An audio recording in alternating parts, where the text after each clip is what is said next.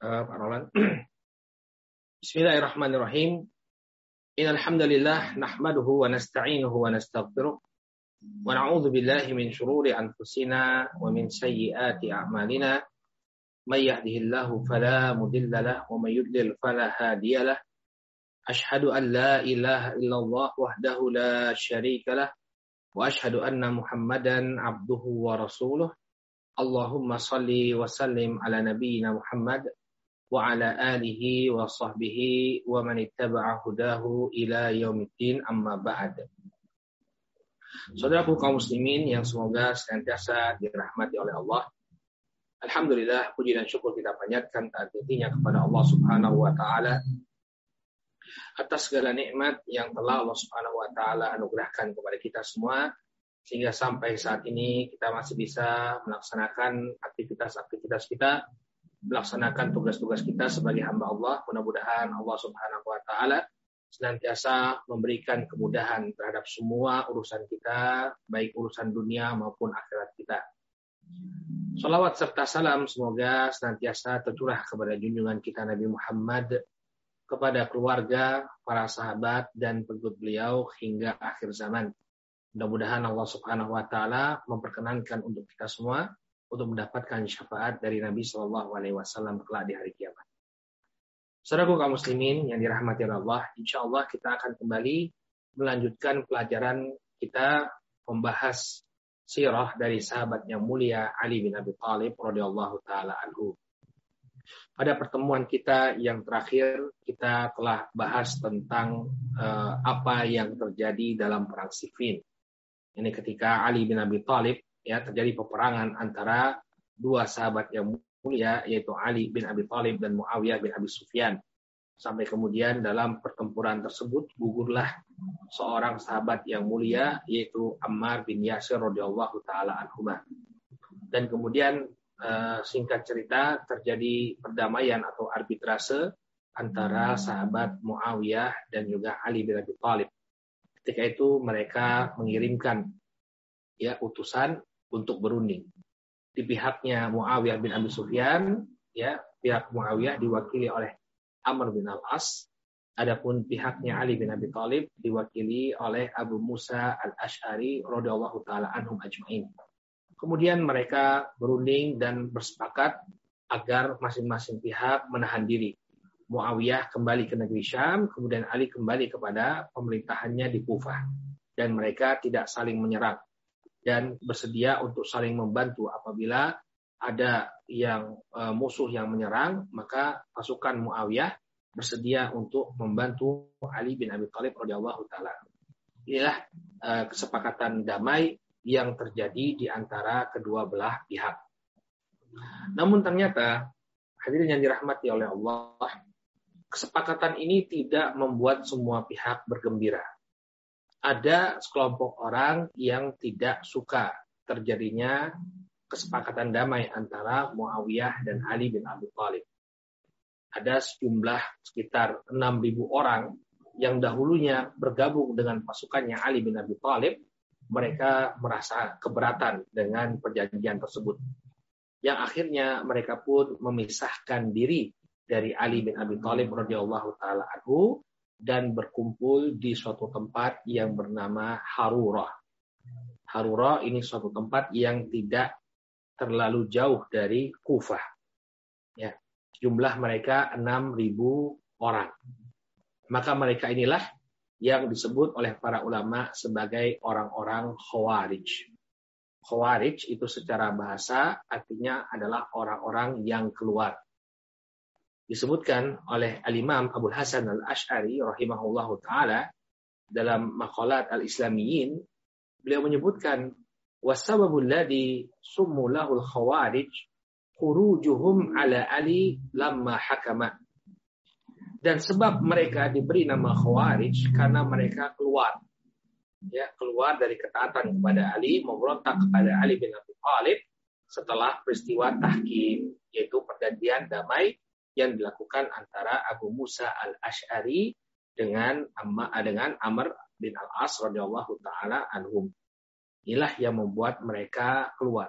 Dan mereka ketika itu ya menyatakan berlepas diri dari Ali bin Abi Thalib radhiyallahu anhu bahkan mereka memberikan lakop kekufuran kepada Ali bin Abi Thalib. Kenapa?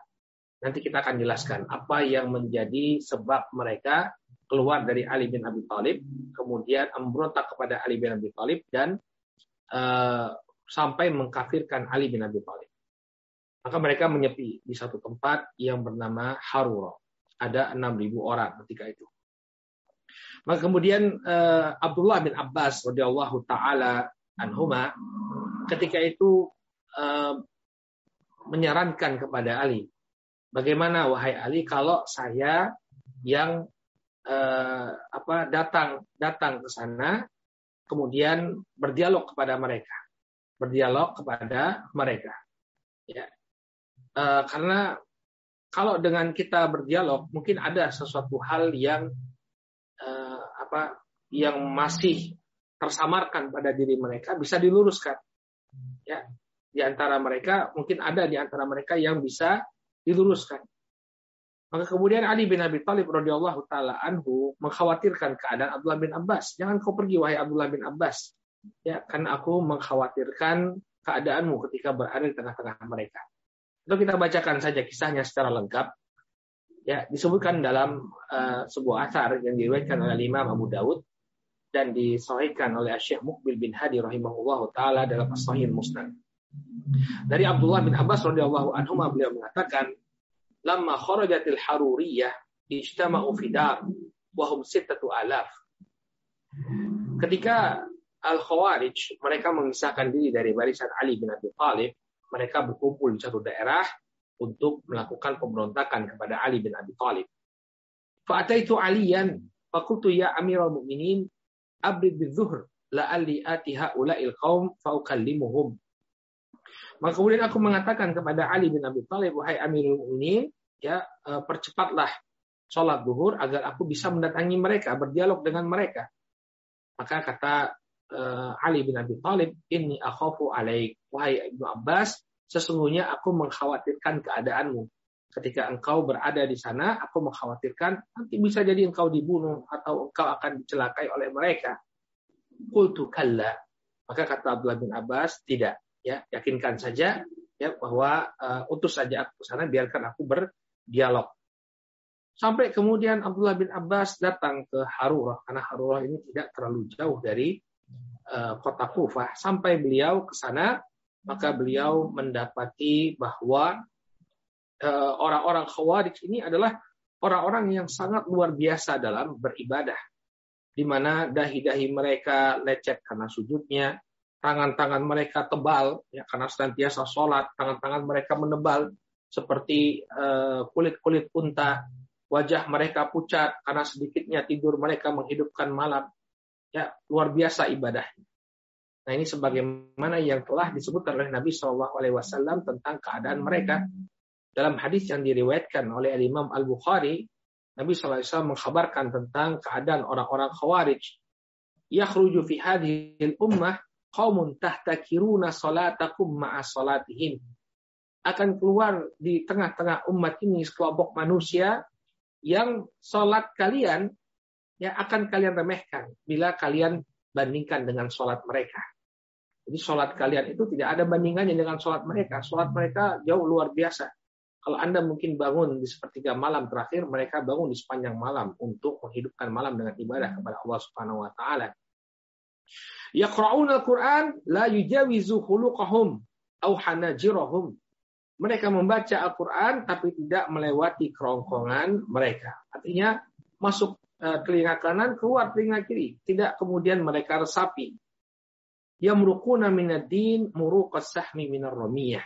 Kemudian Nabi Shallallahu alaihi wasallam mengatakan mereka ini telah keluar dari agama ya seperti keluarnya uh, sahmi minar ramiyah, anak panah dari hewan buruan. Jadi ketika hewan buruan itu dipanah ya dia tidak kemudian menancap tapi sampai menembus. Jadi tidak menancap. Nah seperti itulah keadaan mereka. Jadi Islam itu tidak mengakar pada diri mereka, tapi ya mereka eh, telah ber, uh, berjauhan dari Islam itu sendiri. Maka kemudian ketika Abdullah bin Abbas datang menemui mereka, Abdullah bin Abbas menggunakan pakaian yang bagus. Ini pun diprotes oleh orang-orang Khawarij. Jadi di antara karakter orang-orang Khawarij ini adalah mereka memprotes sesuatu yang sebenarnya bukan masalah. Tidak ada masalah seseorang menggunakan pakaian yang bagus. Maka kata Abdullah bin Abbas, "Fakharajtu ilaihim wa labistu ahsana ma yakunu min hulalil Yaman." Maka aku pun keluar menemui mereka dalam keadaan aku menggunakan pakaian yang bagus yang terbuat dari uh, yang dibuat di negeri Yaman. Maka kemudian uh, mereka mengatakan fa'ataituhum wa mustami'una fi darihim qailun. Maka aku pun datang ke tengah-tengah mereka, mereka sedang berkumpul di tempat mereka dalam keadaan sedang tidur siang. Wassalamtu alaihim faqalu marhaban bika ya Abbas. Fama hadhihi al-hullah maka kemudian aku memberi salam kepada mereka. Kemudian mereka membalas salamku, kemudian menyambutku, marhaban bika ya Abbas, selamat datang wahai Ibn Abbas. Tapi apa kata mereka? Kenapa kau menggunakan pakaian ini wahai Ibn Abbas? Bagus sekali bajumu, kenapa kau tidak menunjukkan kezuhudanmu? Lihat, tidak ada yang salah. Ya, tidak ada yang salah dengan pakaiannya yang bagus, tapi mereka menjadikan itu suatu permasalahan. Maka Eh, beliau pun mengatakan mata ibuna alayya laqad ra'aitu ala rasul sallallahu alaihi wasallam ahsana ma yakunu minal hulal ya kenapa kalian menganggap ini suatu celah padahal aku sendiri melihat Rasul sallallahu alaihi wasallam menggunakan pakaian yang bagus. Lalu Abdullah bin Abbas ya ketika uh, kemudian kata Abdullah bin Abbas ketika beliau menggunakan pakaian yang bagus itu turunlah firman Allah Subhanahu wa taala dalam surat Al-A'raf ayat yang ke-32 Qul man harrama zinatallahi allati akhraja li ibadihi wa thayyibati Katakanlah siapa yang mengharamkan perhiasan dari Allah Subhanahu wa taala yang telah Allah Subhanahu wa taala keluarkan untuk hamba-hambanya dan siapa pula yang mengharamkan rezeki yang baik. Tidak ada salahnya seseorang menggunakan pakaian yang baik. Lihat orang-orang khawarij ini menunjukkan bahwa mereka sangat dangkal dalam berpikir. Keilmuan mereka sangatlah uh, sempit ya dia mereka tidak memiliki pemahaman agama yang luas sampai orang berpakaian bagus pun dipermasalahkan ya maka kemudian Abdullah bin Abbas mengatakan fama ja'abi tanya dia fama ja'abi ada apa kau datang ke sini wahai Abdullah bin Abbas Qala ataitukum min indi sahabati Nabi sallallahu alaihi wasallam minal muhajirin wal ansar yuballighukum ma yaquluna mukhbiruna bima yaqulun fa alaihim nazal al-Qur'an wa hum a'lamu bil wahyi minkum wa fihim unjila wa laysa fikum minhum ahad. Maka kemudian Abdullah bin Abbas ini ingin menunjukkan kepada orang-orang Khawarij. Aku datang dari sisi para sahabat Nabi Shallallahu Alaihi Wasallam. Mereka adalah orang-orang muhajirin dan ansar. Ya, pada mereka lah turun Al-Quran. Ketika mereka ketika Al-Quran itu turun, mereka menyaksikan bagaimana turunnya Al-Quran. Ya, Al-Quran itu turun kepada mereka, bukan kepada kalian. Nah, ini maksudnya adalah untuk menunjukkan kepada orang-orang khawarij tentang bagaimana posisi para sahabat. Ya, artinya Anda bukan siapa-siapa. Ya, yang kalian perangi sekarang ini, kalian berhadapan dengan para sahabat Nabi Shallallahu Alaihi Wasallam, orang-orang yang menyaksikan turunnya wahyu, ya yang demikian diperbolehkan terkadang ketika kita ingin mendebat seseorang. Ya ketika ingin mendebat seseorang untuk menunjukkan bahwa sebenarnya dia tidak memiliki kedudukan apa pun dalam agama ini. Ya hanya berbekal semangat saja dan keberanian saja Ibn bin Abbas ingatkan kalian sekarang sedang berhadapan dengan para sahabat yang Rasul Shallallahu Alaihi Wasallam maka kemudian sebagian di antara mereka mengatakan ya La tukhasimu Quraisyan fa innallaha yaqul bal hum qaumun khasimun. Ya, wahai teman-teman, jangan jangan mau berurusan dengan Abdullah bin Abbas. Karena Abdullah bin Abbas ini orang Quraisy. Kemudian di Al-Qur'an Allah mengatakan bal hum qaumun khasimun. Orang-orang Quraisy itu suka berdebat. Lihatlah mereka bagaimana uh, menempatkan ayat ya pada tempat yang keliru. Ya, ini adalah ayat-ayat tentang orang-orang yang menolak kebenaran. Padahal Abdullah bin Abbas ini sahabat Nabi Sallallahu Alaihi Wasallam, seorang Muslim, seorang sahabat Nabi Sallallahu Alaihi Wasallam. Biar asal ayat yang bisa mendukung mereka, mereka caplok. mereka ambil kemudian untuk memperkuat argumen mereka. Entah itu pemahamannya benar atau salah, pokoknya ada ayatnya. Kemudian ya begitulah karakter orang-orang Khawarij. Tapi Abdullah bin Abbas bersabar. Ya. Kemudian Abdullah bin Abbas bertanya, apa yang menjadi permasalahan kalian? Kenapa kalian kemudian keluar dari ketaatan kalian kepada Ali bin Abi Thalib? Kenapa kalian kemudian memberontak dan memisahkan diri? Maka orang-orang Khawarij mengatakan ada tiga perkara yang membuat kami keluar dari barisannya Ali bin Abi Thalib radhiyallahu taala Apa itu kata Abdullah bin Abbas? Yang pertama, Ali ini telah berhukum dengan hukum manusia. Kenapa? Karena dia telah mengirimkan Abu Musa al-Ash'ari untuk berlindung dengan Amr bin Al-As. Padahal Allah Subhanahu wa taala berfirman, "Inil hukmu illa lillah." Ya sesungguhnya hukum itu berada di tangan Allah Subhanahu wa taala. Wa ma lirijali wa ma lil wa ma lil hakam. Lantas kenapa urusan hukum ini diserahkan kepada ya yang selain Allah Subhanahu wa taala? Maka kata Abdullah bin Abbas radhiyallahu taala anhuma, hadhihi wahidah. Ini yang pertama. Yang kedua apa? Kalau wa ammal ukhra fa innahu qatal wa lam yasbi wa lam yaghnam. Yang kedua kata mereka. Ali ini berperang tapi dia tidak membuat atau tidak menawan musuhnya dan tidak mengambil ghanimah rampasan perang dari musuhnya. Kita masih ingat dalam perang Jamal, Ali mengumpulkan semua rampasan perang, kemudian siapa yang merasa itu barang miliknya silahkan ambil. Ali tidak menahan dan membagi-bagikannya kepada pasukannya. Silahkan ambil. Demikian juga tidak ada seorang pun yang ditawan oleh Ali bin Abi Thalib dalam pertempuran. Ali bebaskan. Ya. Sehingga ini kata orang Khawarij, gimana kamu menghalalkan darahnya tapi kok hartanya tidak dihalalkan? Kemudian tidak ada seorang pun yang menjadi tawanan. Baik, kemudian kata Abdullah bin Abbas, oke okay, ini yang kedua. Apa yang ketiga? Qala innahu maha nafsahu min amiril mu'minin. Bahwa amirul kafirin. Anda bisa lihat betapa dangkalnya dan pendeknya pemahaman orang-orang khawarij. Ali ketika membuat perjanjian dengan Muawiyah, dia telah menghapus gelar Amirul Mukminin. Jadi agar uh, perjanjian itu diterima oleh Muawiyah, yang Muawiyah kan tidak mau mengakui dia sebagai pemimpin. Kita pihak yang setara. Kalau kamu dianggap jadi pemimpin, ngapain saya akan jadi peperangan antara kita kan? Maka Muawiyah nggak mau terima gelar Amirul Mukminin. Sehingga Ali bin Abi Thalib menghapusnya. Maka kata orang Khawarij, kalau Ali bin Abi Thalib bukan Amirul Mukminin, berarti dia Amirul Kafirin. Pemimpinnya orang-orang kafir. Ya. Sehingga inilah tiga uh, tiga permasalahan yang uh, dicuatkan oleh orang-orang Khawarij yang menjadi sebab mengapa mereka memisahkan diri dari Ali bin Abi Thalib. Padahal mereka dulu loyalisnya Ali ya.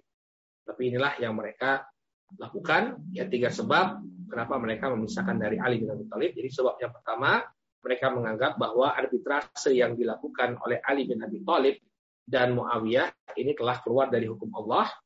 Kemudian yang kedua bahwa Ali tidak menawan dan mengambil ghanimah dari pihak yang dikalahkan. Kemudian yang ketiga dia telah menghapus gelar Amirul Mukminin sehingga Ali bin Abi Thalib adalah Amirul Kafirin. Baik. Maka kemudian dijelaskan oleh uh, Abdullah bin Abbas satu persatu. Dibantah oleh Abdullah bin Abbas. Inilah pentingnya kita uh, apa mengedepankan orang-orang yang berilmu. Kalau terjadi suatu permasalahan, ya kedepankan orang-orang yang berilmu. Karena dia bisa mencarikan solusi. Dengan keilmuannya dia bisa mencarikan solusi. Maka Abdullah bin Abbas mengatakan kepada orang-orang khawarij Qultu lahum ara'aitum in qara'tu alaikum min kitabillah wa min sunnati nabihi sallallahu alaihi wasallam ma yuraddu bihi qaulakum atardaun Kemudian Abdullah bin Abbas mengatakan kepada mereka, apabila saya bisa membawakan ayat Al-Quran atau sunnah Nabi Shallallahu Alaihi Wasallam yang bisa menepis tuduhan-tuduhan kalian, apakah nanti kalian akan mau menerima? Mau menerima nggak ini? Ya, kalian kan selalu uh, ingin menegakkan agama ya, senantiasa berpegang teguh dengan agama. Oke, sekarang agama kita basicnya apa? Al-Quran dan hadis. Kalau saya berhasil menyampaikan Al-Quran dan hadis yang uh, apa menepis tuduhan kalian. Mau nggak kalian kembali? Maka mereka mengatakan, naam, iya. Baik, saya coba satu-satu. Yang pertama kata Abdullah bin Abbas. Ya hakam rijal fi amrillah. Ya, kalian menuduh bahwa Ali itu telah berhukum dengan hukum selain Allah ketika membuat arbitrase. Ya. Maka kata beliau, fa ana aqra'u alaikum ma qad radda hukmahu illa rijal fi thamani rubu'i dirham arnab wa nahwiha as-sayd. Aku sampaikan kepada kalian bahwa Allah Subhanahu wa taala telah mengembalikan hukum ya dalam sebagian kasus Allah Subhanahu wa taala itu mem membagikan hukum atau menyerahkan hukum kepada penilaian manusia. Ya, contohnya firman Allah dalam surat Al-Maidah ayat yang 95. Kata Allah Subhanahu wa taala, "Ya ayyuhalladzina amanu la taqtulus sayd wa antum hurum wa man qatalahu minkum muta'ammidan fajza'um mithlu ma qatala minal na'am yahkumu bihi dzawa adlin minkum." Kata Allah Subhanahu wa taala dalam surat Al-Maidah ayat yang ke-95 bisa disampaikan ya. Kata Allah Subhanahu wa taala, "Wahai orang-orang yang beriman, janganlah kalian membunuh binatang buruan dalam keadaan kalian sedang ihram. Maka barang siapa di antara kalian yang membunuh hewan buruan dengan sengaja, maka dendanya itu ditentukan dengan mengganti hewan ternak yang seimbang dengan apa yang dia bunuh. Ya. Yahkumu bihi dzawa adlin minkum. Yang ditentukan oleh keputusan orang yang adil di antara kalian. Jadi misalnya kita membunuh hewan buruan di tanah haram dalam keadaan kita ihram. Kemudian berapa denda yang harus kita bayarkan sesuai dengan uh, yang senilai dengan hewan buruan tersebut? Ini dikembalikan kepada seorang yang ahli, ahli menakar. Oh, misalnya yang dia buru, ya, yang dia buru adalah seekor domba misalnya. Maka berapa nilainya? Ya. Atau uh, yang dia buru apa pun itu hewan di tanah haram. Misalnya yang dia bunuh kelinci misalnya. Berapa bayarannya untuk mengganti kelinci tersebut? Ya, ini ditentukan oleh seseorang yang memiliki keahlian untuk menakar berapa uang yang setara dengan hewan buruan tersebut. Ya, maka di sini Allah Subhanahu wa taala menyerahkan nilainya itu kepada siapa? Kepada manusia, orang yang memiliki keahlian. Ini yang pertama. Kemudian yang kedua juga, dalam Al-Qur'an surat An-Nisa ayat yang ke-35 Allah Subhanahu wa taala e, mengatakan ya, agar dua dua pihak suami istri yang sedang berselisih untuk mengirimkan masing-masing itu mengirimkan perwakilan berunding untuk membicarakan bagaimana kelangsungan pernikahan. Surat surat An-Nisa ayat ke-35. Kata Allah Subhanahu wa taala, "Wa in khiftum shiqaqa bainihima fab'athu hakaman min ahliha wa hakaman min ahli uh, hakaman min ahlihi wa hakaman min ahliya in yurida islahan ya in yurida islahan yuwaffiqillahu bainahuma.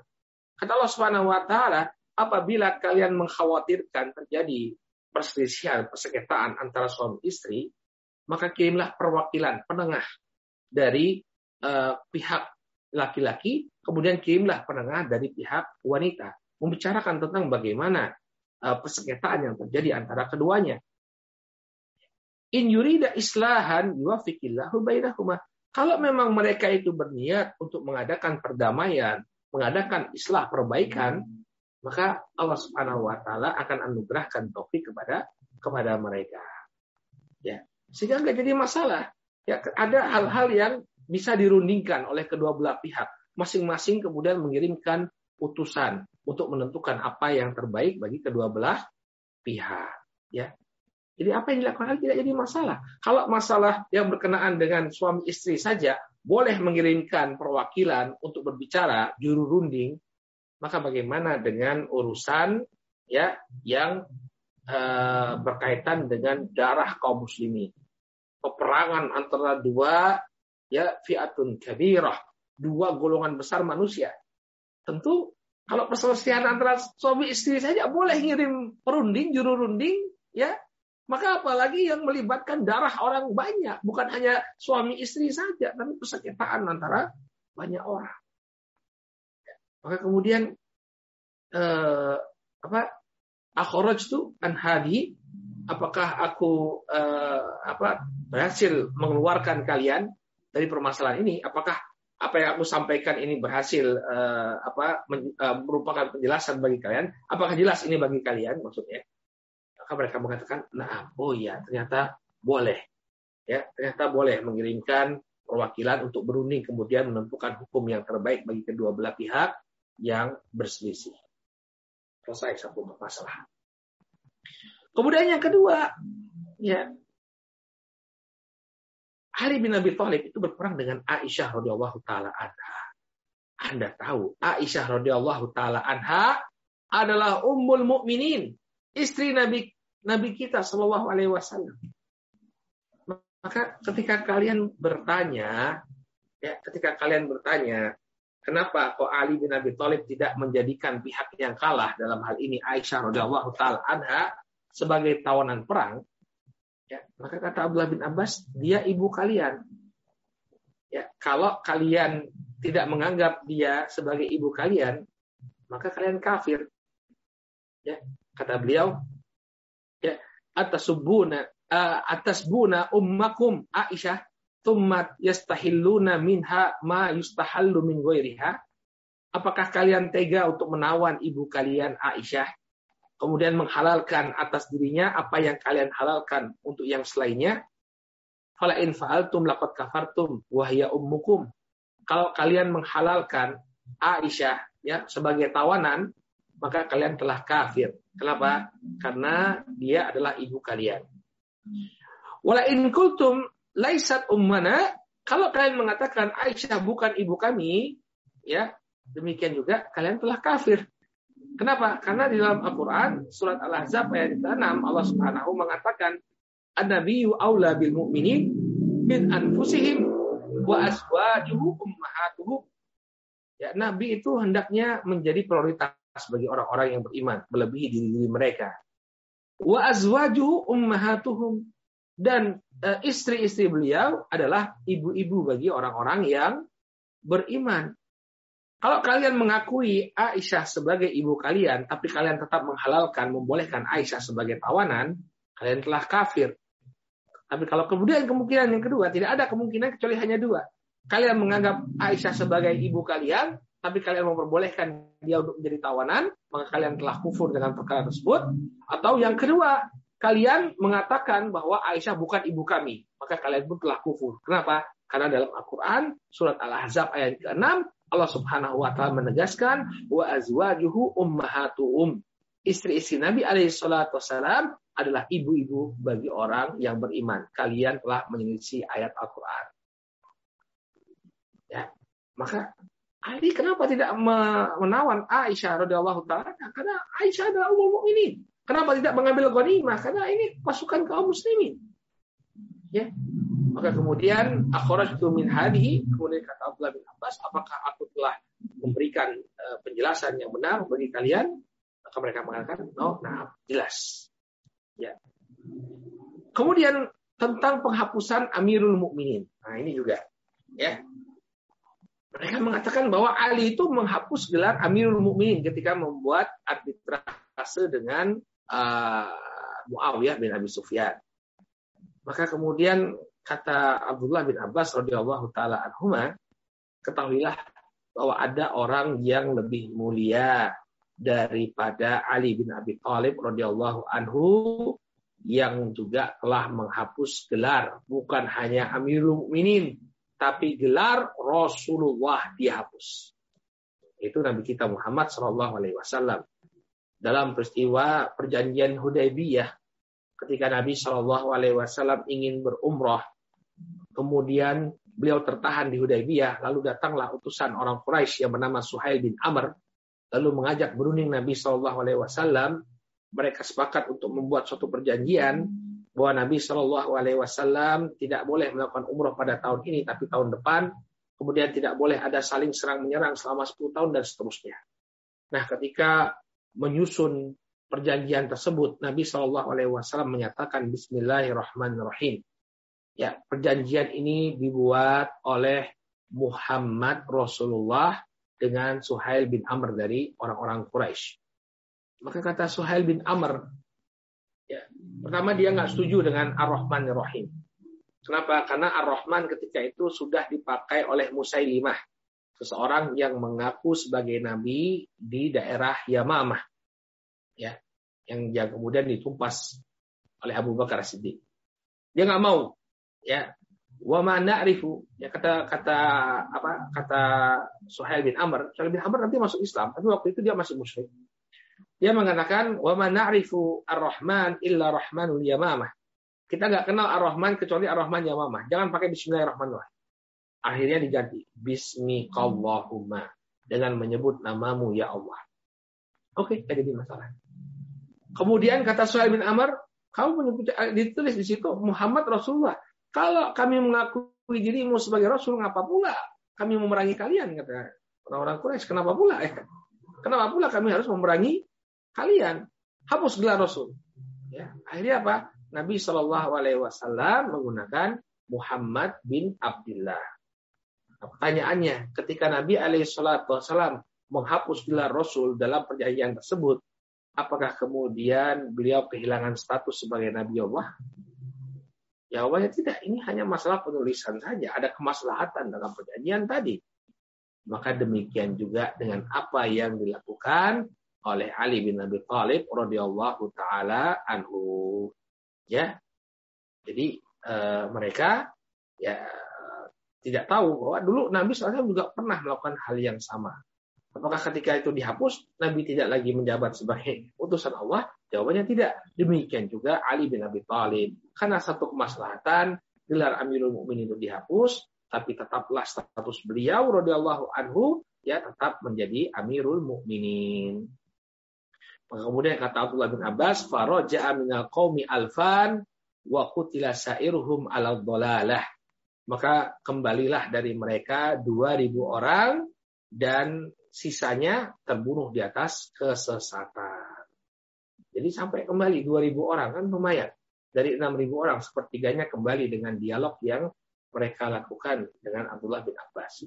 Maka kadang-kadang dialog ya berdialog dengan orang-orang yang terlibat kesesatan ini satu hal yang cukup penting ya. Tentunya yang berdialog dengan mereka adalah orang-orang yang memiliki keilmuan yang bisa menghilangkan syubhat mereka seperti sosok Abdullah bin Abbas kita bisa melihat sepertiga dari mereka kembali kepada kebenaran bergabung kembali dengan Ali bin Abi Thalib radhiyallahu taala anhu. Baik. Awalnya hadirin yang dirahmati oleh Allah, Ali bin Abi Thalib tidak memerangi orang-orang Khawarij ini. Jadi selama mereka tidak melakukan pemberontakan bersenjata, hanya pemikiran saja, Ali tidak sampai memerangi mereka. Namun kenapa kemudian terjadi peperangan? Kenapa kemudian Ali bin Abi Thalib memerangi mereka? Karena mereka telah melakukan kejahatan terhadap sahabat Abdullah bin Khabbab bin Arad. Disebutkan dalam kitab Usdul Ghabah karya Al-Imam Ibnu Athir rahimahullah ya beliau membawakan uh, sanatnya dari seseorang dari kalangan uh, Bani Abdul Qais yang dahulunya dia bersama dengan orang-orang Khawarij, tapi kemudian dia bertobat. Ya, dia menceritakan bagaimana uh, kelakuan orang-orang Khawarij kepada sahabat Abdullah bin Khabbab bin Arad. Khabbab bin Arad ini adalah sahabat termasuk sahabat yang pertama kali masuk Islam. Nah ini anaknya Abdullah bin Khabbab bin Arad dan dia seorang sahabat juga. Dahulu qaryatan fa alaihim Abdullah bin Khabbab ya za'iran. Ketika itu orang-orang Khawarij memasuki suatu kampung. Maka kemudian keluarlah Abdullah bin Khabbab bin Arad dalam keadaan khawatir. Ya. Kalau lantura, jangan kau takut dengan kami, kata orang-orang Khawarij kepada Abdullah bin Khabbab bin Arad. Qala wallahi laqad ru'tumuni. Maka kata Abdullah bin Khabbab bin Arad, demi Allah kalian telah membuatku takut. Kalau lantura, ya, Kemudian orang-orang Khawarij mengatakan kepada Abdullah bin Khabbab bin Arab, jangan kau takut. Qala wallahi laqad ru'tumuni. Maka kembali Abdullah bin Khabbab bin Arab mengatakan, sungguh kalian telah membuatku khawatir. Ya, karena orang-orang Khawarij ini luar biasa ya. E, mereka orang-orang yang menakutkan. Maka kemudian e, orang-orang Khawarij itu mengatakan kepada Abdullah bin Khabbab bin Arab, Anta Abdullah bin Khabbab, ya sahibu Rasulullah, engkau adalah Abdullah bin Khabab dan engkau adalah sahabat Rasulullah? Qala na'am. Maka Abdullah bin Khabab mengatakan iya. Qalu fahal samita min abika hadithan yuhaddithuhu an Rasulillah sallallahu alaihi wasallam tuhaddithuna? apakah engkau pernah mendengar dari bapakmu sebuah hadis yang disampaikan dari Rasul Shallallahu Alaihi Wasallam yang bisa engkau bagi kepada kami?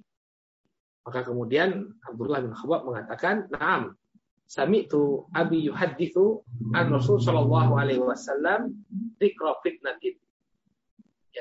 Aku mendengar Nabi Shallallahu Alaihi Wasallam atau aku mendengar bapakku menyampaikan hadis dari Nabi Shallallahu Alaihi Wasallam, ya, uh, di mana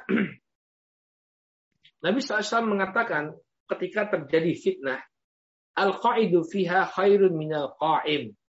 Orang yang duduk itu lebih baik daripada orang yang berdiri. Wal qa'imu fiha khairun minal mashi. Dan orang yang berdiri itu lebih baik daripada orang yang berjalan. Ya. Wal mashi fiha khairun minas sa'i.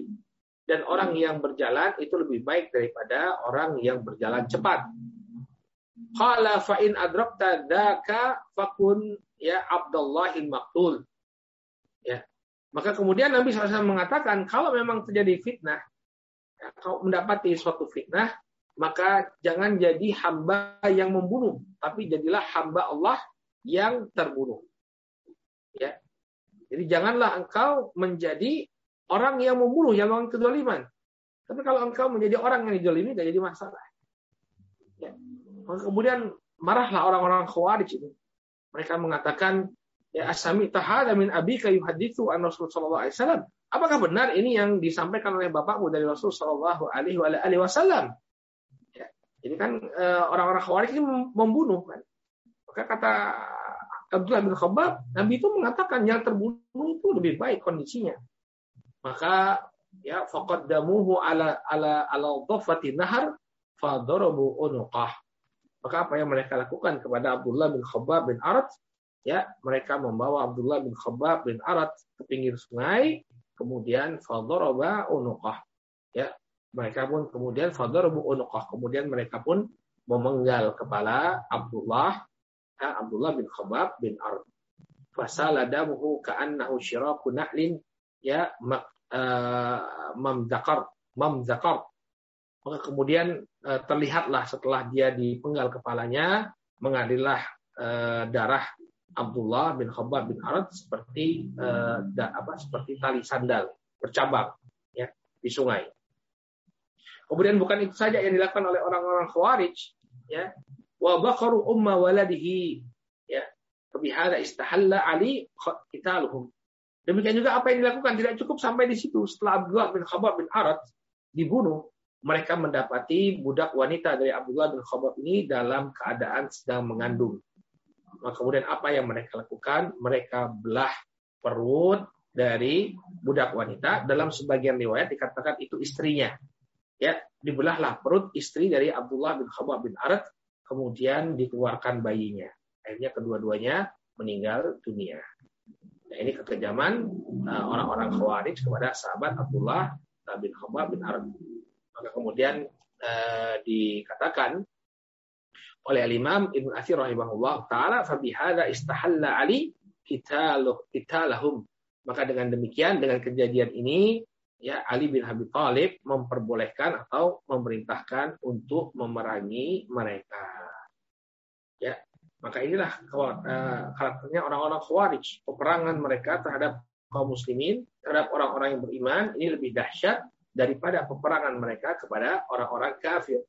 Sebagaimana disebutkan oleh Nabi Shallallahu Alaihi Wasallam dalam Sahih Al Bukhari, yaqtuluna ahlal Islam wa yada'una ahlal awthan. Orang-orang Khawarij ini mereka justru memerangi orang-orang Islam, memerangi kaum muslimin dan mereka membiarkan ahlul awthan, ahlal awthan, orang-orang yang menyembah berhala. Orang-orang yang menyembah berhala aman dengan keberadaan mereka tapi justru orang-orang Islam, orang-orang yang berpegang teguh dengan ajaran Islam, ya mereka jadikan sebagai korban. Maka kemudian uh, Ali bin Abi Thalib radhiyallahu taala anhu memerangi mereka. Sebagaimana yang telah diperintahkan oleh Nabi sallallahu alaihi wasallam.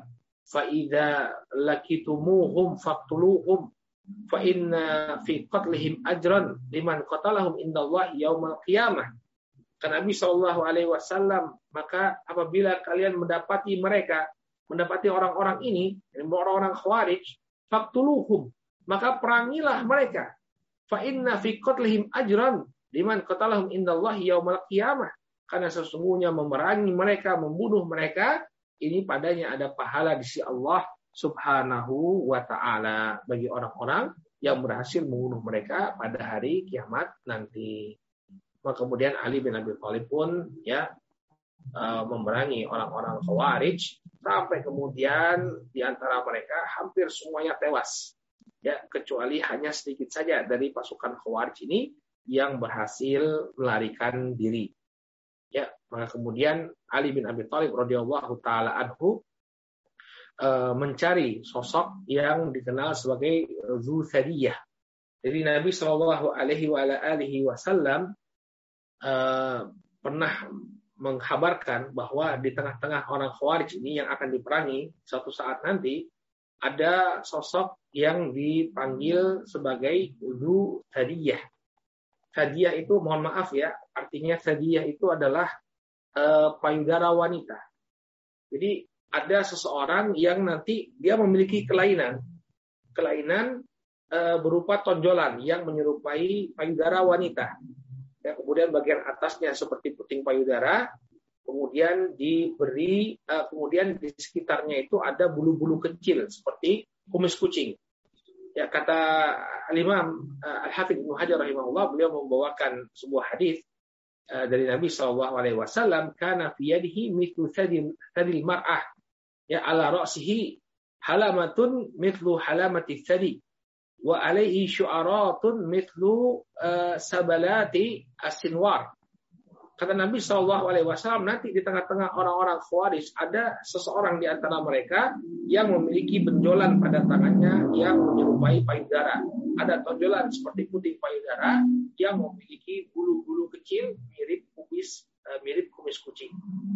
Nah, kemudian Ali mencari, menyuruh pasukannya untuk mencari orang tersebut Sampai kemudian ketemulah ya di antara pasukan Khawarij orang yang bercirikan sebagaimana yang disebutkan oleh Rasul Shallallahu Alaihi Wasallam. Maka kemudian Ali pun bergembira, berarti dia berada di atas kebenaran dan telah melaksanakan perintah dari Nabi Shallallahu Alaihi Wasallam untuk memerangi orang-orang yang melakukan penyimpangan terhadap agama, yaitu orang-orang al-Khawarij. Ya, akhirnya uh, tidaklah orang-orang Khawarij itu melainkan dihabisi oleh Ali bin Abi Thalib kecuali ya hanya tinggal beberapa orang saja. Ya, tinggal beberapa orang saja. Nah, inilah beberapa orang yang sisa inilah yang kemudian membuat makar.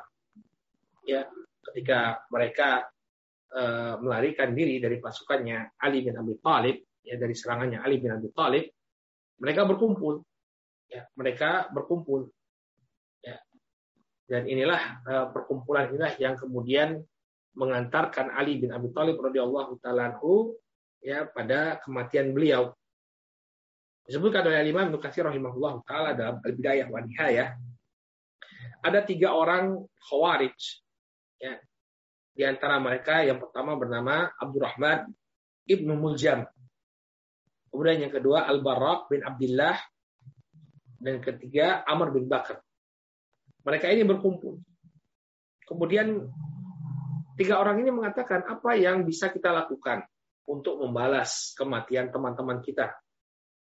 Teman-teman kita itu adalah orang-orang yang luar biasa ibadahnya. Ya, kita sudah sebutkan orang-orang Khawarij itu ketika Abdullah bin Abbas datang, ya tangannya kapalan, cininya jidatnya hitam, orang-orangnya kurus karena suka berpuasa, ya mata-mata mereka cekung karena kurang tidur, kerjanya menghidupkan malam itu ibadah. Maka ada ketiga orang ini, ya kita harus melakukan sesuatu. Ini kawan-kawan kita jangan mati sia-sia. Kita akan balaskan.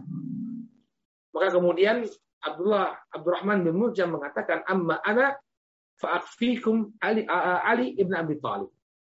Maka kata Abdullah bin Muljam, adapun urusannya Ali bin Abi Thalib serahkan kepadaku, aku yang akan membunuhnya. Wa qala Barraq wa ana akfikum Muawiyah. Kemudian Al-Barrak mengatakan, adapun saya, ya bagian saya adalah Muawiyah. Nah, Muawiyah ini juga musuh. musuh mereka. Ya. Alhamdulillah. Wa qala Amr bin Bakar wa ana akfikum Amr bin Al-As. Adapun aku kata Amr bin uh, kata Amr ibn Bakar, biarkan aku yang membunuh Amr bin Al-As. Jadi tiga orang ini yang diincar oleh orang-orang Khawarij. Pertama Ali bin Abi Thalib, karena tiga orang inilah yang terlibat dalam uh, arbitrase tadi yang mereka anggap sebagai suatu pengukuran. Ini Ali bin Abi Thalib, Muawiyah dan Amr bin Al-As. Maka kemudian mereka pun membuat perjanjian ya untuk melaksanakan tugas pembunuhan tadi. Jadi mereka sudah uh, apa berjanji ketiga-tiganya ya apa pun resiko yang akan mereka hadapi, mereka harus bisa membunuh ketiga orang ini. Lalu mereka pun sepakat bahwa pembunuhan itu akan diadakan pada tanggal 17 Ramadan. Ya, 17 Ramadan. Jadi mereka mencari timing yang sama. Ketiga orang ini harus dibunuh di hari yang sama, yaitu pada tanggal 17 Ramadan. Ya. Ketika itu berarti apa? Tahun 40 Hijriah ya. Tahun 40 Hijriah. Maka kemudian Ibnu Muljam berangkat ke Kufah. Ali itu berada di Kufah ketika itu. Maka kemudian uh, dia pun mendapati sekelompok orang yang juga uh, memiliki pemahaman khawarij. Di antaranya adalah seorang wanita ya Kotomi ya Kotomi seorang wanita yang uh, dia uh, memiliki bapak dan kakak yang tewas dalam perang Nahrawan, perang yang dilancarkan oleh Ali untuk memerangi orang-orang Khawarij. Nah, dia ini sakit hati kepada Ali wanita ini. Kemudian wanita ini uh, menyerahkan dirinya kepada uh, Abdurrahman bin Mujab. Ya, dengan syarat apa? Salah satu syaratnya agar dia mau membunuh Ali bin Abi Thalib. Maka tambah semangatlah Abdullah Abdurrahman bin Mujab. Ya, akhirnya apa? Dia menikah uh, sang wanita menyerahkan dirinya kepada Abdurrahman bin Muljam. Padahal wanita ini adalah wanita yang sangat cantik. Maka tambah semangatlah Abdurrahman bin Muljam untuk membunuh Ali bin Abi Thalib radhiyallahu taala anhu.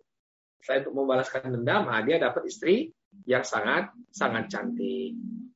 Maka kemudian uh, Abdurrahman bin Muljam berhasil mempengaruhi beberapa orang untuk memberikan bantuan kepadanya sampai kemudian pada tanggal 17 Ramadan tahun ke-40 Hijriyah ya uh, mereka pun ya menangkap Ali bin Abi Thalib atau mereka pun menyerang Ali bin Abi Thalib radhiyallahu taala anhu. Jadi ketika itu Ali bin Abi Thalib ya di subuh hari tanggal 17 Ramadan itu Ali bin Abi Thalib punya kebiasaan beliau membangunkan orang-orang untuk sholat subuh. As-salah. Ya persiapkan sholat kalian, persiapkan sholat kalian. Sampai kemudian Abdurrahman bin Muljam uh, apa mendapati Ali bin Abi Thalib lalu dia sabetkan pedangnya sampai mengenai kepala Ali bin Abi Thalib. Kemudian mengucur deraslah uh, darah dari kepala Ali bin Abi Thalib radhiyallahu taala anhu. Maka kemudian uh, Ibnu Muljam ditangkap oleh para sahabat yang lainnya. Ya, sementara beberapa orang komplotannya ada yang tertangkap dan ada juga yang melarikan diri. Nah, di tempat lain eh, Al-Barrak yang tadi sudah menyanggupi untuk membunuh Muawiyah, dia juga melaksanakan tugasnya. Maka ketika datang waktu subuh, ya dia berhasil uh, menikamkan senjatanya kepada Muawiyah bin Abi Sufyan, akan tetapi senjatanya tersebut tidak sampai kepada bagian yang membuat uh, apa Muawiyah bin Abi Sufyan mati. Akhirnya disebutkan oleh para ulama bahwa sejak ditikam oleh uh, Al-Barok itu Muawiyah tidak bisa lagi uh, memproduksi anak. Artinya apa mungkin terkena sistem reproduksinya. Tapi Muawiyah selamat, ya Muawiyah masih selamat. Uh, adapun uh, Al-Barok ya akhirnya akhirnya terbunuh. Adapun Muawiyah dia terluka. Cuma itu tadi uh, kemungkinan besarnya serangan Al-Barok itu mengenai sistem reproduksi Muawiyah sehingga dia setelah itu tidak bisa lagi memiliki anak. Kemudian bagaimana Amr bin Bakar? Amr bin Bakar yang di, yang yang apa menyanggupi untuk membunuh uh, sahabat uh, Amr bin Al-As radhiyallahu taala anhu. Ya ketika dia sampai ke tempat Amr bin Al-As biasa mengimami sholat ternyata di hari tersebut Amr sakit. Ya Amr sakit perut sehingga dia tidak bisa menjadi imam. Kemudian digantikan oleh sosok Kharijah bin Abi Habib, maka sosok Kharijah bin Abi Habib inilah yang kemudian dibunuh oleh Amr bin Bakar. Ya, kemudian Amr bin Bakar ditangkap dan kemudian diekse, dieksekusi. Nah, maka akhirnya gugurlah sahabat Ali bin Abi Thalib radhiyallahu taala aku ya di tangan Abdurrahman bin Muljam pada tanggal 17 Ramadan tahun ke-40 Hijriah. Dan usia Ali bin Abi Thalib ketika itu 63 tahun. Jadi dari para khulafa Rasyidin itu hanya Utsman saja yang usianya sampai 80-an tahun. Tapi dari Abu Bakar, Umar, dan juga Ali itu usianya 63 tahun sama dengan usianya Rasulullah Shallallahu Alaihi Wasallam. Ya kalau kita hitung benar ya, kan Ali itu eh, sebelum Islam ya dia tinggal bersama Nabi Shallallahu Alaihi Wasallam baru masuk Islam usia 10 tahun. Jadi ketika dia masuk Islam usia 10 tahun. Kemudian Nabi Shallallahu Alaihi Wasallam berdakwah di Makkah 13 tahun, baru kemudian beliau hijrah ke kota Madinah. Berarti ketika Nabi hijrah ke kota Madinah, usia Ali 23 tahun. Kemudian Nabi Shallallahu Alaihi Wasallam berdakwah di kota Madinah sampai beliau meninggal dunia selama 10 tahun. Ya, maka ketika Nabi meninggal dunia, usia Ali 33 tahun. Ya, dan peristiwa pembunuhan ini terjadi 30 tahun setelah wafatnya Nabi Shallallahu Alaihi Wasallam. Berarti pas usianya Ali bin Abi Thalib ketika itu adalah 63 63 tahun. Ya, dan beliau e, menjadi khalifah e, disebutkan oleh para ulama sekitar empat tahun beberapa bulan. Jadi kalau dihitung-hitung mulai dari Abu Bakar As-Siddiq radhiyallahu taala e, anhu ya apa Abu Bakar As-Siddiq radhiyallahu taala anhu ditambah masa kekhilafahan Umar ya jadi kalau Abu Bakar itu dua tahun kemudian Umar itu 10 tahun, Utsman itu 12 tahun, ya atau lebih ya, 12 tahun atau lebih, dan Ali sekitar 4 atau 5 tahun. Ini kalau dan kemudian uh, sampai ke masa transisi, ya nanti antara uh, Al Hasan, ya karena setelah Ali ini meninggal dunia, nanti Al Hasan sempat menjadi khalifah, transisi sampai kemudian diberikan kepada Muawiyah, itu totalnya pas 30 tahun dari wafatnya Nabi Shallallahu Alaihi Wasallam sampai Muawiyah naik menjadi khalifah pertama Bani Umayyah itu pas 30 tahun. Ketika 30 tahun inilah yang dikatakan oleh Nabi Shallallahu Alaihi Wasallam uh, ini adalah masa khilafah nubuwah, khilafah yang berdasarkan kenabian.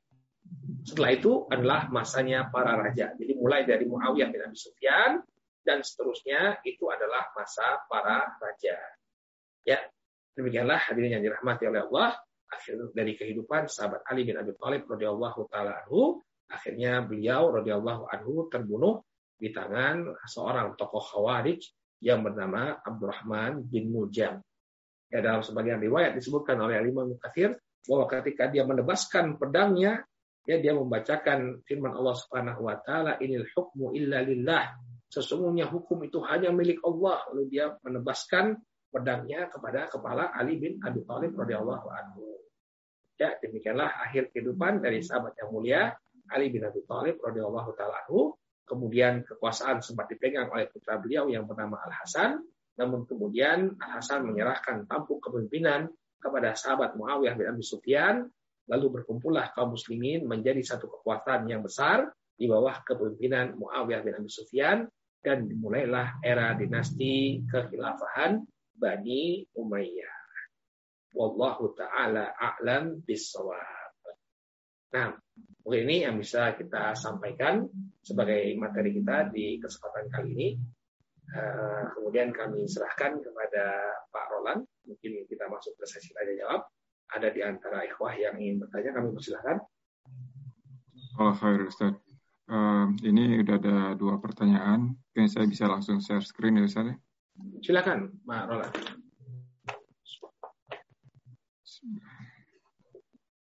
Ini untuk pertanyaan yang pertama Ustaz. Assalamualaikum Ustaz. Apakah kaum Khawarij apakah kaum Khawarij sudah ditumpas habis? Ini saya juga pernah kalau salah lihat ada artikel um, katanya ada yang masih ad, ada yang masih ada gitu sampai sekarang juga kalau bisa di trace gitu sampai sampai sekarang Ustaz.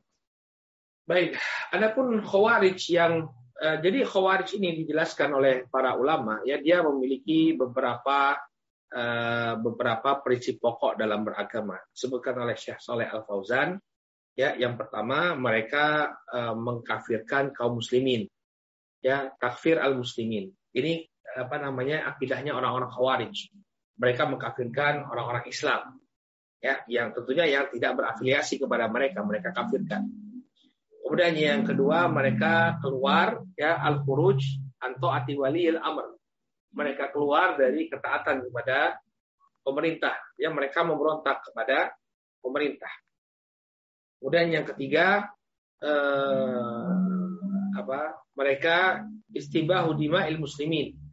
Yang ketiga itu mereka menghalalkan darah kaum muslimin. Jadi orang muslim yang berada di luar afiliasi mereka bukan hanya dikafirkan saja tapi dihalalkan darahnya.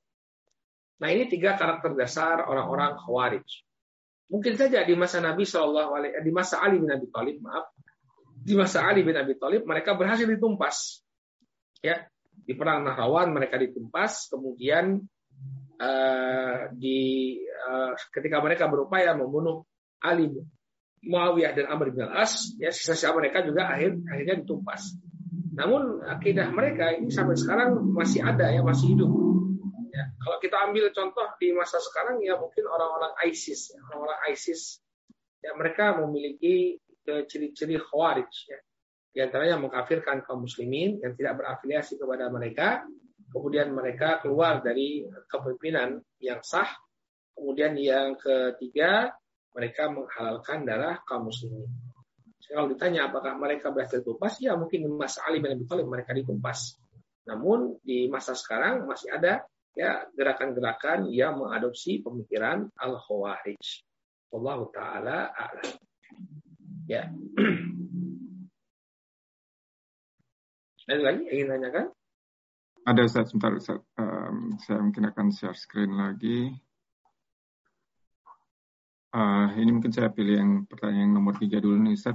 Assalamualaikum. Mohon izin bertanya Ustaz. Mengapa uh, sahabat Ali bin Abi Thalib radhiyallahu anhu tidak segera menghukum para pembunuh sahabat Utsman bin Affan radhiyallahu anhu?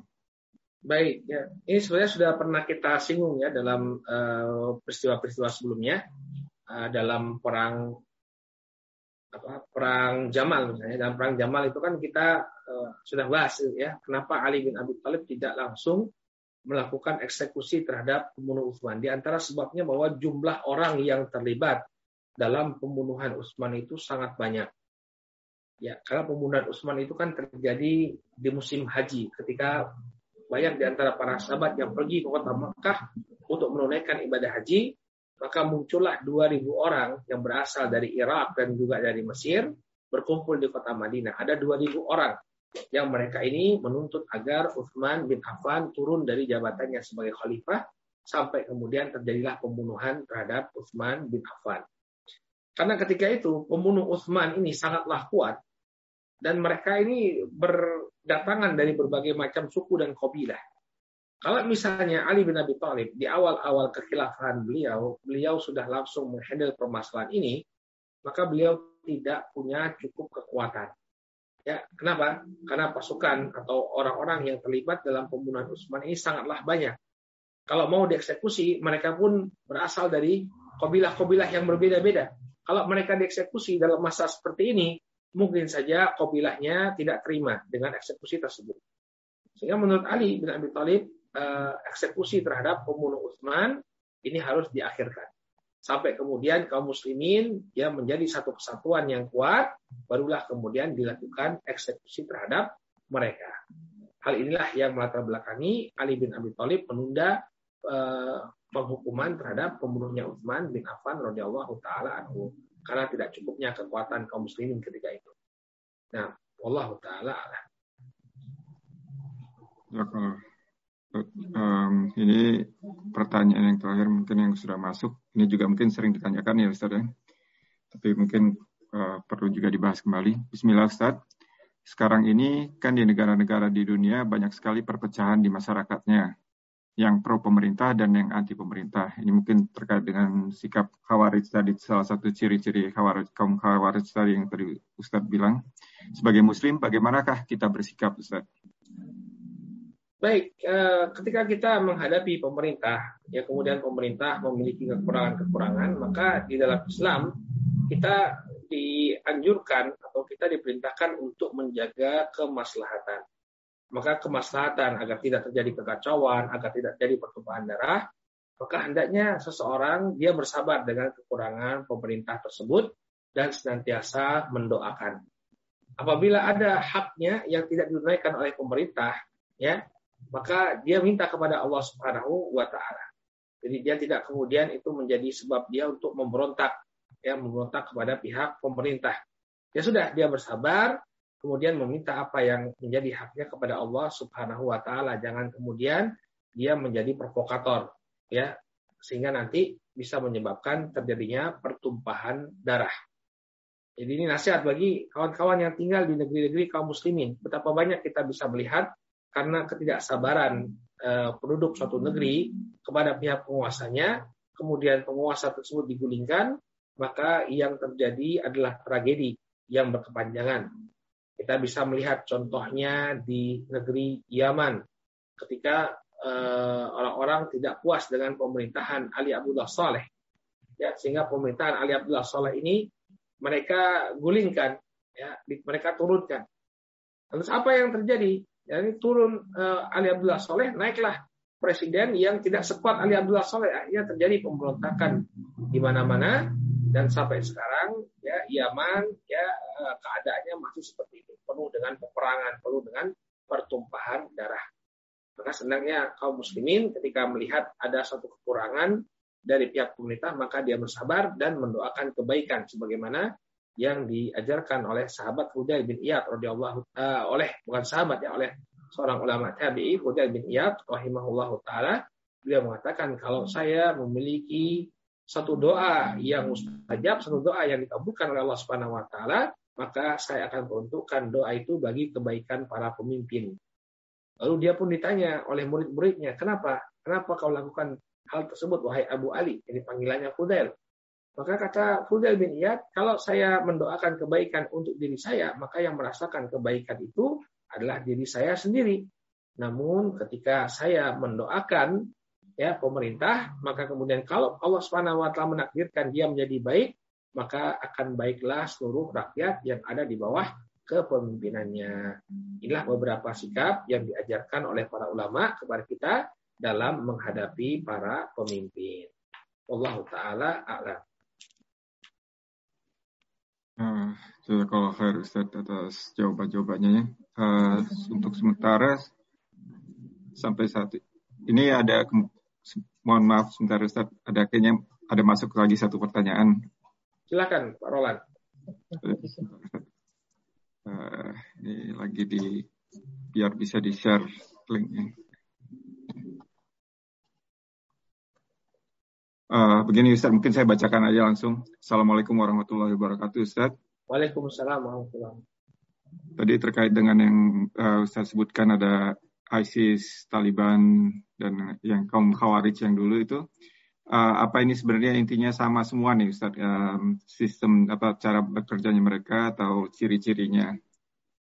Karena kalau di Eropa di sini kan maksudnya ya, berita dan apa uh, media itu sering marak sekali membahas tentang ini ISIS dan Taliban ini Ustaz. Ya, kita kalau membahas seperti itu kita kembalikan saja kepada penjelasannya para ulama.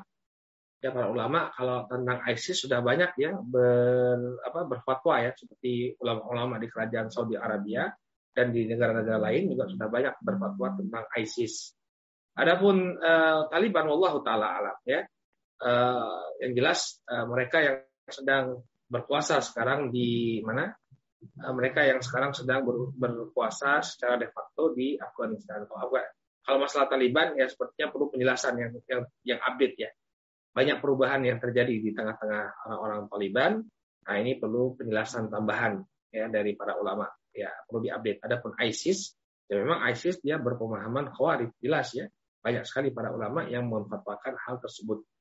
Dan mereka memang kejadiannya uh, sama apa yang mereka lakukan di masa sekarang dengan apa yang dilakukan oleh Khawarij di masa lampau. Ya, dikatakan dalam sebagian apa uh, laporan ya mereka tega untuk membunuh misalnya uh, apa pasukan penjaga perbatasan ya yang sedang menunaikan sholat. Mereka bunuh ya orang-orang ISIS ini. Ya sama dengan apa yang dilakukan oleh orang-orang Khawarij ya mereka uh, apa menghalalkan darah. Mereka membiarkan orang-orang kafir tapi mereka menghantam kaum muslimin. Itu yang saya ketahui sejauh ini. Adapun Taliban, nah ini butuh update ya, karena banyak sekali perubahan yang terjadi di tengah-tengah orang-orang Taliban. Ya.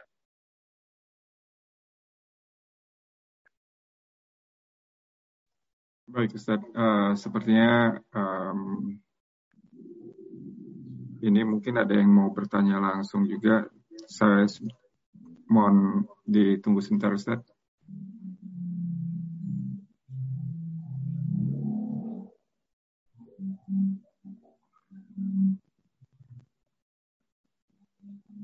Ini Pak Arif, sepertinya tadi ada menghubungi saya. Mau ditanyakan langsung, Pak. Silakan Pak Arif di unmute. Kalau tidak sempat raise hand.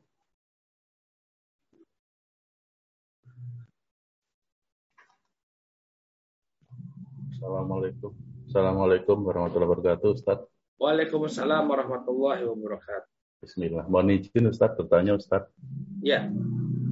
Nah, terkait ini Ustaz, eh, apakah Ana boleh berlangganan majalah eh, politik Ustadz yang membahas kebijakan-kebijakan politik pemerintah yang isinya itu eh, sering kali mengkritisi kebijakan pemerintah. Namun eh, itu terkait dengan tugas Ana Ustadz. Ana ini ASN yang memiliki tugas analis kebijakan pemerintah Ustadz. Jadi memberikan rekomendasi kepada pemerintah terkait dengan kebijakan-kebijakan pemerintah. Namun Ana harus membaca majalah-majalah yang eh, terkait dengan itu Ustaz seperti mengkritisi pemerintah itu boleh nggak Ustaz? Saya takut itu gibah terhadap ulil amri Ustaz. Jazakallah khair Ustaz. Wa anta jazakallah khairan. Ya, eh, saya kira tidak mengapa ya sebagai bahan masukan. Yang tidak boleh itu kan memprovokasi orang untuk memberontak. Tapi kalau kritik ilmiah, apalagi yang mengkritik memang orang-orang yang berkompeten, dia seorang ahli ekonom, ya atau dia seorang ahli industri, kemudian melihat ada kebijakan pemerintah ini yang kalau diteruskan mungkin akan menyebabkan kemudaratan terhadap bangsa dan negara kita. Maka tidak mengapa kita ambil pendapat-pendapat mereka, karena tidak semua orang yang mengkritisi itu tujuannya buruk ya. Bahkan banyak yang tujuannya baik. Orang-orang yang punya patriotisme cinta kepada negara. Cuma dia melihat something wrong. Ada sesuatu yang salah dari kepemimpinan kita. Ya dia memberikan masukan.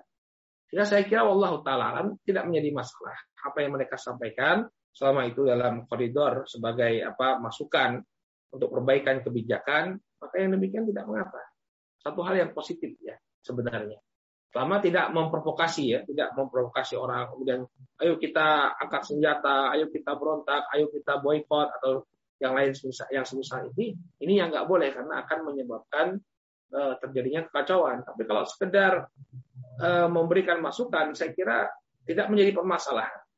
Bahkan ini uh, ini tugas kita, tugas orang-orang yang memiliki kemampuan akademis ya jadi para ilmuwan itu bukan hanya dia meneliti, tapi juga memberikan masukan terhadap kebijakan pemerintah. Allah Ta'ala demikian tidak mengapa insya Ya. Sudah kalau Her Ustaz. Um, sepertinya pertanyaan sudah masuk semua Ustaz dan termasuk yang terakhir yang ditanyakan langsung. Oh, ini oh, ya, mohon maaf Ustaz. Ada ada ada baru masuk lagi satu lagi. Mohon maaf. Saya akan bacakan langsung. Uh, Assalamualaikum Ustadz, apakah kita tidak boleh mendoakan bagi pemimpin yang tidak adil agar segera diberikan balasan yang setimpal uh, dari Allah Subhanahu wa taala? Boleh juga, boleh juga.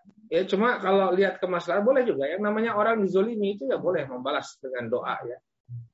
Karena Nabi Shallallahu Alaihi Wasallam tuh mewanti-wanti fatakudumma, uh, fatakudah wa tamadlum fa inna laisa bainahu wa ya, khawatirlah kalian dari doa orang-orang yang terzolimi. Karena tidak ada hijab antara eh, apa doanya dengan Allah swt dengan pengabulan Allah swt sehingga boleh saja kalau seseorang merasa didolimi haknya diambil dia mendoakan keburukan. Tapi yang dicontohkan oleh para salafun saleh ya mereka mendoakan kebaikan. Karena kalau misalnya eh, dijadikan pemimpin itu buruk, ya kita doakan keburukan, maka dia akan menjadi semakin buruk. Jadi orang-orang yang dipimpinnya pun di bawah pun kondisinya akan semakin buruk. Dan belum tentu ketika kita mengharapkan misalnya suatu pemerintahan jatuh misalnya. Ya, belum tentu yang menggantikannya nanti lebih baik daripada dia. Ya. Makanya para salaf itu, salafun soleh itu uh, apa memberikan contoh itu mendoakan kebaikan, bukan mendoakan keburukan atau uh, mendoakan agar dia diganti. Karena bisa jadi nanti gantinya itu lebih buruk. Dan ini yang yang yang banyak terjadi. Orang-orang menginginkan ada pergantian perubahan uh, kepemimpinan. Ya karena ini nggak layak atau ini banyak kekurangannya diganti. Ternyata yang menggantikan worse lebih buruk lagi daripada yang dia gantikan. Maka kalau saya sendiri lebih cenderung mengikuti apa yang dinasihatkan oleh para uh, generasi awal Islam, doakan kebaikan, ya mudah-mudahan yang namanya hati manusia itu berada di antara jari jemari Allah Subhanahu wa taala. Allah akan membolak-balikannya sebagaimana yang Allah Subhanahu wa taala kehendaki. Mudah-mudahan nanti ada perbaikan, ada perbaikan. Ya. Saya terus terang mengalami sendiri revolusi Arab di negeri Yaman. Dahulu kita merasakan keamanan di sana. Walaupun memang kalau kita lihat ya fasilitas umum seperti jalan, lampu mati, apa listrik sering mati gitu ya. Tapi relatif aman. Ini sebelum terjadinya revolusi Arab. Tapi kemudian mulai mencuat revolusi Arab. Orang-orang meminta agar presiden-presiden mereka diganti di Mesir, di Aljazair, di Tunisia, ya di Suria, di mana-mana di negeri Arab, revolusi Arab 2010-an gitu ya. kemudian apa yang terjadi?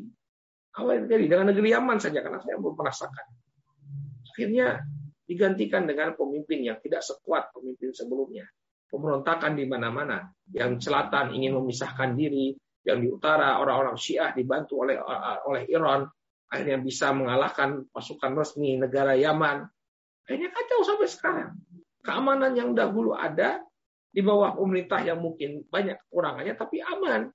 Sekarang mereka kekurangan air, mereka kekurangan gas, hidupnya sangat menderita. Makanya eh, berjalan di atas eh, apa tuntunan para salafun soleh itu paling aman. Ya mereka mendoakan kebaikan, doakan saja kebaikan. Jangan minta eh, dibalas atau jangan kemudian apa namanya eh, kita meminta dia digantikan ya. Karena bisa jadi yang menggantikannya itu adalah orang yang lebih buruk. Itu sudah kejadian ya. Wallahu taala alam. Ada lagi yang ditanyakan? Uh, sepertinya sudah sudah masuk semua Ustaz dan sudah dijawab semua tadi oleh Ustaz. Mungkin sebagai penutup mohon dipandu Ustaz untuk kajian kali ini. Baik.